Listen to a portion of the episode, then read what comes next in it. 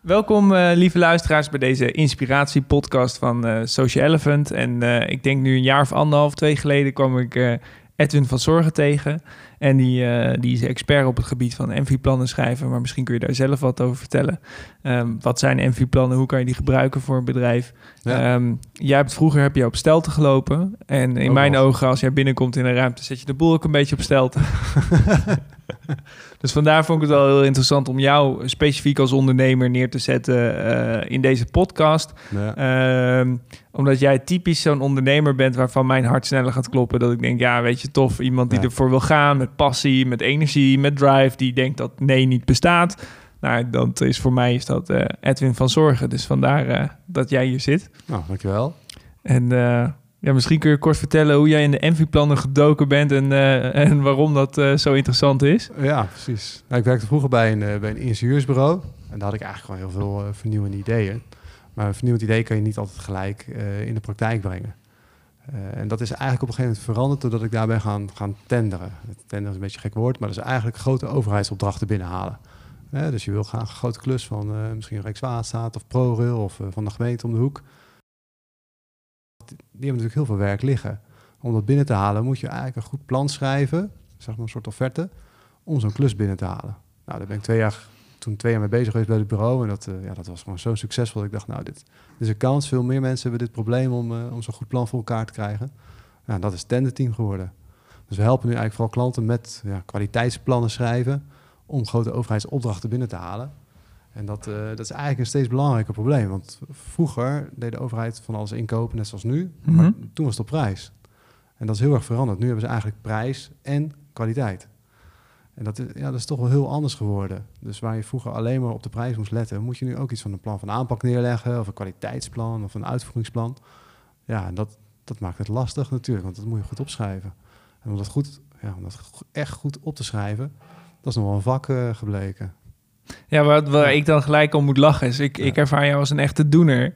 Ja. En dan moet een doener een plan gaan schrijven. Dat vind ik dan wel... Uh... ja, ja. Ja, je moet er wel goed over denken wat je opschrijft. Je kan natuurlijk wel van alles opschrijven, maar als, als, de, als een opdrachtgever, als een overheid, als de ambtenaar, de inkoper daar denkt van... ja, ik vind het eigenlijk niet zo spannend in een plan staat. mag ik toch een beetje verwachten van, van de partij die dit levert. Nou, dan krijg je natuurlijk geen punt op je plan. Dus dan is alles wat overblijft is je prijs. Ja, dan ga je niet winnen. Je wil eigenlijk hè, met de prijs gewoon een nette prijs hebben, dat je ook nog wat verdient als ondernemer. Maar aan de andere kant wil je ook op kwaliteit juist die punten pakken. Want ja. ja als je kwaliteit kan leveren, is dat voor je eigen bedrijf mooi. Hè? Je referenties worden ook mooier. En je kan dus ook met een hogere prijs inschrijven en toch de opdracht winnen. Ja. Nou, dat is natuurlijk top. Dat wil ook ondernemer, toch?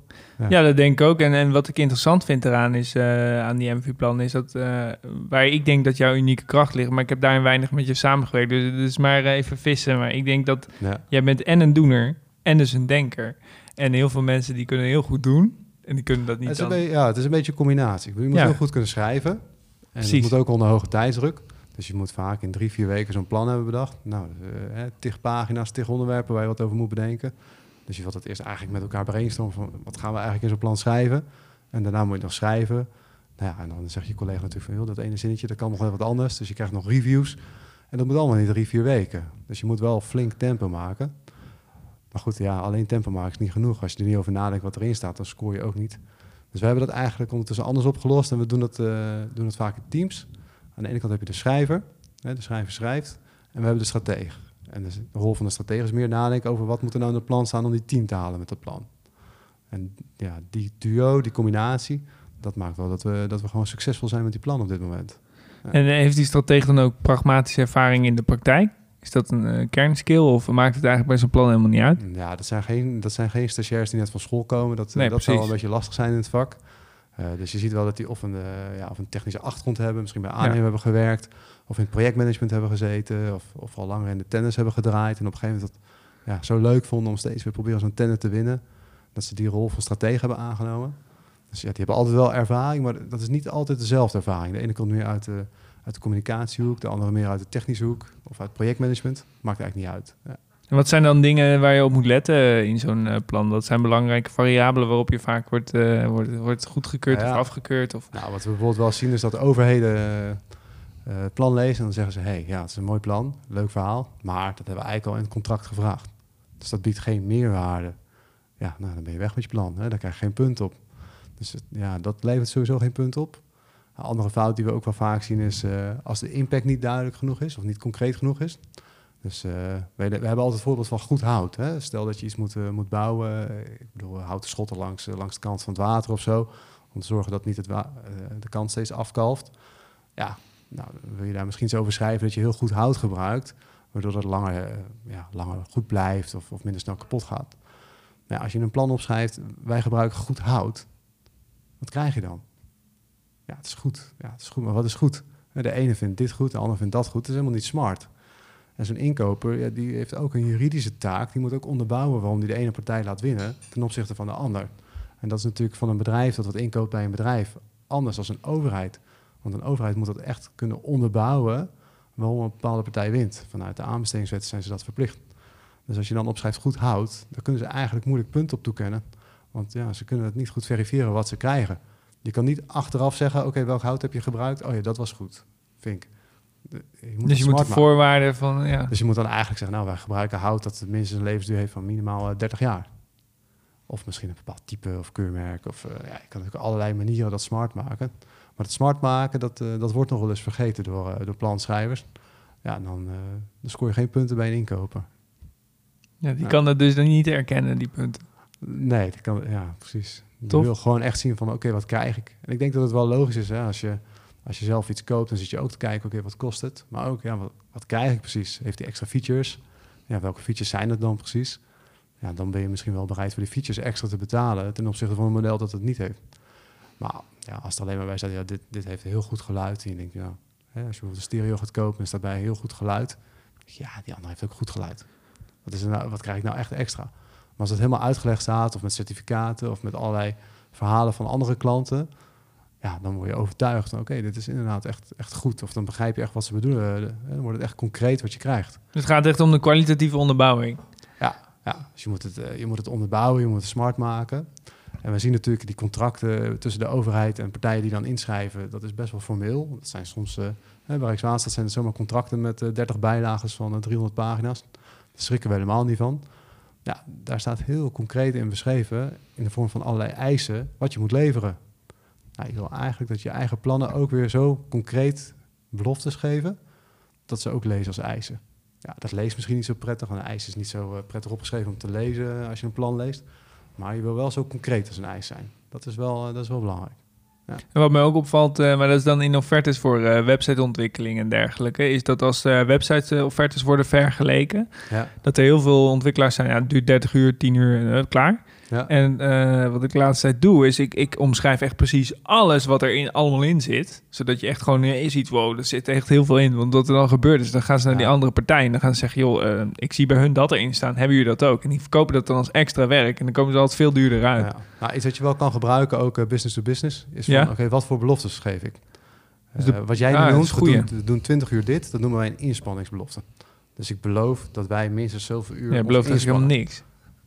Wat krijg ik in die 20 Ja, uur? niks. Ja, het is fijn Ja. dat iemand 20 uur eraan werkt, maar als, het, ja, als dat een junior is die het net even niet goed doet, is 20 uur weg, maar ik heb niks, kun je nergens aan houden. Dus het is eigenlijk een, de meest zwakke vorm van een belofte. Dus daarboven heb je de productbelofte. Je krijgt ook dit rapport van me, of je krijgt ook aanvullend dit onderzoek, of deze analyse, of, of misschien een fysiek product dat je extra erbij krijgt. Dus dat is een productbelofte, dat is de tweede tree. En dan de derde tree die je nog hebt, zijn prestatiebeloftes. Eh, wij bouwen, ja, voor jou misschien, hè, we bouwen een website. Nou, je kan zeggen, oké, we bouwen een website, dat is een productbelofte. Je kan misschien nog zeggen, die website heeft die, die en die functionaliteiten. Dat zijn ook productbeloftes. Maar je kan ook zeggen, oké, ik ga een prestatiebelofte neerzetten. Eh, ik garandeer dat jij minstens 50 leads per maand hebt met de website die je krijgt van ons. Dus, dus een prestatiebelofte zit meer op het, het functioneren of wat het resultaat is van die Ja, website is op jouw eigen doelstelling. Ja, er zijn natuurlijk heel veel onuitgesproken dingen, zoals eh, de uptime van de website. Het klinkt heel gek, maar als Ja, je zegt prestatiebelofte. 99,9% uptime, dat Ja. klinkt al best wel... Nou, dat zien we bijvoorbeeld heel veel in de, in de infrastructurele projecten. Hè, bijvoorbeeld onderhoud van, eh, van bruggen is een makkelijk voorbeeld. Ja, hoeveel tijd van het jaar is die brug nou echt beschikbaar? Ja, precies. kunnen de auto's eroverheen en de, de boten eronderdoor. Zo leuk deze podcast altijd. Ik leer elke keer weer wat bij, weet je wel. Dat, Ja, precies. Dus ja, kijk naar die trace van wat kan ik beloven. Ik wil dus ook hoe hoger je gaat zitten Ja. qua categorie, hoe spannender het wordt. Want als je het even niet onder controle hebt, die prestatie die je beloofd hebt, ja, dan ga je wel heel veel zijden moeten bijzetten om dat uh, alsnog te leveren. Ja, dat maakt het ook inzichtelijk ook waar jij ten opzichte van je concurrentie staat. Want als, je, als ik dus bijvoorbeeld zeg, nou dit is de uptime, uh, dit is uh, nieuwe features die je per jaar erbij krijgt. Ja. Het zijn allemaal dingen die in ons bedrijf gebeuren, maar die nooit uitgesproken zijn. Ja. Nou, en die plannen gaan we nog verder. Dus we kijken naar die categorieën. We kijken, oké, wat is het hoogste waar we gaan zitten? Dat we nog durven te beloven. Want we moeten het natuurlijk ook waarmaken straks. Hey, anders heb je een contract gewonnen, maar dan heb je eigenlijk een paar vertrooien binnengehaald... omdat je leegloopt op het project. Dus je gaat goed kijken, wat, wat scoort beter? Wat is de belofte die je kan geven om die klus binnen te halen? Maar ook, ja, wat kan ik waarmaken? Dus dat is een, een beetje spanningsveld. Maar goed, als je dat dan in beeld hebt van wat je wil beloven... De, ja, eigenlijk niet iets nieuws beloven, maar iets dat je al hebt gedaan. Dat is natuurlijk het ideale geval. Want dan kun je zeggen, nou, we gaan uh, zorgen dat die brug uh, eh, zoveel, uh, zoveel beschikbaar is en dat die altijd goed functioneert. Maar dan kan je dat misschien ook nog onderbouwen met alle 70 andere bruggen die je hebt onderhouden. Of met websites bouwen. Zeg je, nou, we hebben een website, we garanderen een bepaalde beschikbaarheid. Hij is maar vijf uur per jaar offline voor onderhoud. Nou, dat hebben we al bij, bij 50 andere klanten hebben we ook zo'n website draaien. En dat gaat al tien jaar lang goed volgens deze belofte. Nou, als je dat erbij hebt, dan denken andere mensen die dat lezen, denken, oh, oké, komt wel goed uh, met deze partij. Dus op die manier kun je je plan eigenlijk heel, heel sterk maken en heel veel meerwaarde bieden voor je klanten. Dat vind ik wel, hier kan ik wel wat mee. Ja? Ja, absoluut. Ik, uh, slag, man. Ja, ja ik, ga, ik zit al gelijk in mijn hoofd die offertes uh, opnieuw op te zetten. maar wat ik ook mooi vind, is als je dit doet en je gaat uit zeg maar, van die waardes, ja. dan wordt het, uh, het project ook leuker om te doen of zo. Ik krijg gewoon echt, als je dat zegt, dan denk ik, ja, dat is eigenlijk wel heel vet om te doen. Want dan, dan voelt het ook alsof je beter in kaart ik denk kan dat uitleggen. Veel mensen ook ervan houden om kwaliteit te leveren. Ik denk dat heel, in heel veel mensen schuilt een klein perfectionist, uh, perfectionistisch iemand. En uh, ja, die vinden het ook fijn om kwaliteit te leveren. Dat voelt goed als je ergens de tijd voor hebt, als je het goed kan doen. Uh, mensen die kwaliteit krijgen, je klanten, die zijn ook blijer. Dus je krijgt ook meer waardering terug. Dus aan alle kanten werkt dat gewoon voor je, als je gaat richten op kwaliteit. En die offerte traject is wel bijzonder. We hebben bijvoorbeeld een keer een klant geholpen. En dat was een, uh, een RFP, hè? dus een bedrijf dat een ander bedrijf vraagt om, om een grote offerte aan te bieden. Nou, ze hadden een partij, of zij hadden een aanbieding neergelegd en ze wisten al, andere concurrent uit Nederland, ook groot bedrijf, die ook aanbieding doen. En nog twee andere bedrijven in Europa waren ook gevraagd om offerte. Nou, daarvan zeiden ze, de kwaliteit van die bedrijven loopt wat achter, dus zijn we niet zo bang voor, zeg maar. Maar de concurrent in Nederland was wel, uh, was wel een spannende situatie. Want uh, was gestart door een oud-collega, dus die wist inhoudelijk ook wat een en ander. En nou, ze moesten echt gewoon vol ervoor gaan. Het was een grote, echt grote opdracht, miljoenenklus. Nou, door daar echt een plan neer te leggen dat zo onderscheidend was, hebben ze uiteindelijk de klus gekregen. Het heeft een half jaar geduurd nadat de offerte er was met onderhandelingen en details. Maar ik heb achteraf heb ik de man gesproken die inkoper was. En hij kwam bij me terug en zei: man, oh man, wat hebben jullie voor offerte daar neergelegd? Dat was echt niet normaal. Ten eerste zag het meegeflikt uit. En ten tweede stonden er gewoon heel concreet alle beloftes in die ze kregen. dus dat zat bijvoorbeeld in een stukje ontwerp, als kwaliteit van de ontwerpers, van de, van de mensen die dat zouden doen, als, ze, als ze heel expliciet gemaakt, heel smart gemaakt. Aan de andere kant hadden ze ook duidelijk de productbeloftes gegeven, wat ze nog extra kregen als service. Uh, er werden andere soort berekeningen, was een technisch systeem, werden andere soort berekeningen nog toegevoegd. Uh, niet alleen over dat die ja, die constructie nu goed zou zijn, maar ook de komende 50 jaar gegarandeerd goed zou blijven. Ja, dat waren dingen die ze eigenlijk helemaal niet hadden gevraagd. Maar die ze wel in het plan hebben benoemd van hé, hey, dat krijg je er allemaal bij. En daarmee dekten ze eigenlijk ook heel veel risico's van hun klant af. Dus ze zaten zelf van na te denken van hey, wat zijn eigenlijk de risico's van deze klant? Ze vragen om een systeem, maar daarna moet hij nog 30 jaar draaien. Hey, daar hebben ze helemaal niet over nagedacht. Dat is een risico voor mijn opdrachtgever. Nou, hebben ze al beloftes op gedaan hoe ze dat nu in de ontwerpfase en in de bouwfase al al mee hebben genomen om daarover na te denken. Dus die klanten hebben ze mega ontzorgd. Nou, door dat heel concreet op te schrijven, uh, ja, hebben ze gewoon supergoed gescoord. En, uh, en die inkoper zei ook van, ja, eigenlijk toen jullie die offerte hebben neergelegd, jullie waren duurder, maar dat plan was zo goed, het was zo goed onderbouwd. Hij zei, we konden er eigenlijk niet omheen. En in die half jaar hebben ze dat natuurlijk nooit uh, gezegd, want dat was misschien wat slecht voor hun onderhandelingspositie. Maar hij zei, ja, eigenlijk konden we niet meer om jullie heen en moesten jullie gewoon contracteren. Want jullie waren overduidelijk de partij in Europa om dit, uh, om dit werk te beleggen. Ja, dat is natuurlijk fantastisch. Als je, als je op die manier gaat concurreren, dan, dan hoef je veel minder op je prijs te concurreren. En ga je lekker op die kwaliteit zitten. En ja, je eigen mensen worden er ook blij van, want dan kunnen ze straks die kwaliteit leveren die ze zelf ook willen leveren. Ze hoeven het niet af te raffelen. Ja, ik denk ook dat het helderheid... eh, kijk, alle Amerikaanse literatuur die praat over clarity. Ja, Dat als Ja. je met een team aan de slag gaat... dat het heel belangrijk is om goed voor ogen te houden... Ja. eh, waar zijn we nou eigenlijk mee bezig? En wat zijn we nou eigenlijk aan het opleveren? En dat Ja. is wat je nu ook wel creëert. Ja. Zeg maar op hoog niveau, op metaniveau. Een soort clarity van... hey, dit is waar we aan werken, jongens. Ja, precies. En je wilt het gewoon super helder krijgen wat je, wat je belooft. Ik zei al, van, dat moeten eigenlijk een soort van contracteisen zijn die je weer kan afvinken als je het straks eh, gedaan hebt.